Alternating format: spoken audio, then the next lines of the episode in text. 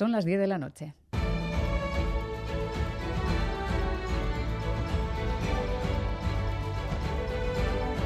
Radio Euskadi. Servicios informativos.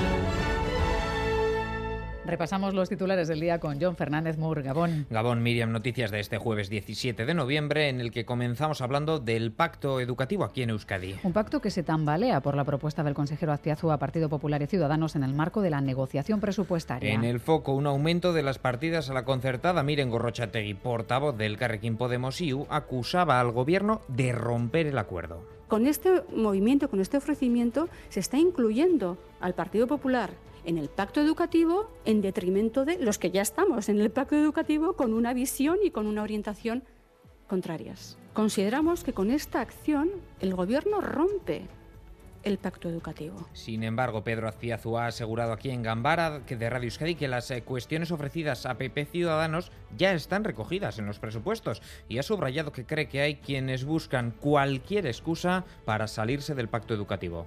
Yo tengo la impresión de que algunos tenían voluntad de romper el pacto y han buscado cualquier disculpa.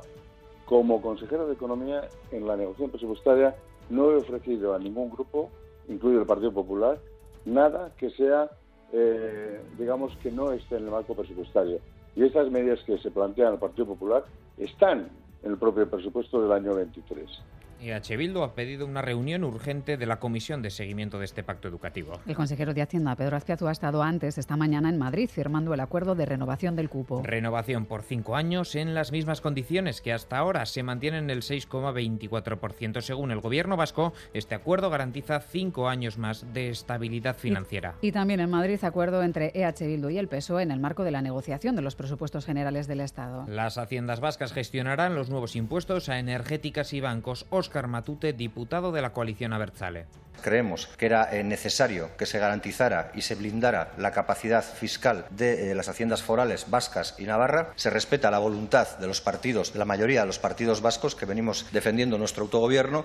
Por el momento, la cirugía cardíaca del Hospital de Basurto se queda donde está. Los tribunales mantienen por ahora el veto a la unificación de las cirugías cardíacas de Cruces y Basurto. La jueza que lleva el caso se mantiene en su decisión tras rechazar las alegaciones del gobierno vasco. Argumenta la magistrada que la unificación podría poner en riesgo la vida de los pacientes, como ya adelantó cuando dictó las medidas cautelares. Además, desmiente que la unificación obedezca a criterios de eficacia. Esta jueza de la audiencia de Álava cree que lo que prioriza Osakidecha es recortar costes. Y no queda ahí recomienda que si se quiere ir hacia un modelo de salud público-privado, se lleve el debate al Parlamento. Cabe recurso ante instancias superiores, sí, pero el procedimiento se alargará en el tiempo al menos un año. Y mientras, como les venimos contando, los tribunales a lo largo y ancho del Estado tienen entre manos decenas de revisiones de condenas de delincuentes sexuales. En Navarra y en Guipúzcoa se están ya estudiando un caso en cada una. Jorge Bermúdez, eh, fiscal de la Fiscalía Provincial de Guipúzcoa, ha rechazado que el problema sea, como insiste Igualdad, los jueces machistas aquí declaraciones en Gambara.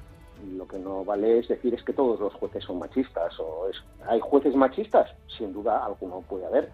Eh, lo mismo que puede haber, no sé, algún juez que sea de la Leti de Bilbao, a pesar de que yo como aficionado de la Real Sociedad lo considero algo incomprensible.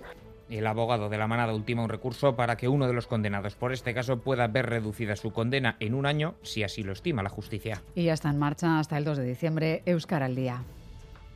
Zaiatuko naiz hau bizi eh, izaten eta hitz egiten beste pertsonekin. Ni bilbotarra naz betidanik ikasi dakit euskera, baina jartzen du txapa aurten ipini dut belarri prest. Hau bizi, hizkuntza aurrera botatzeko kanpaina hon bada, Chapa en la solapa, ya saben, a Ovicio Belarri Prest, iniciativa que busca dar un impulso a nuestra lengua. Y en carretera se pide precaución en la 8 en Bilbao, a la altura de Zabalburu, sentido Galdacao. Se ha producido un accidente de un vehículo que ocupa parte de la calzada. Desde el Departamento de Seguridad nos informan de que no hay heridos y que la Archancha se ha trasladado al lugar para señalizar lo ocurrido. En breve retirarán el vehículo accidentado. Así terminamos. Más noticias en una hora y en todo momento en itv.eus. Arte.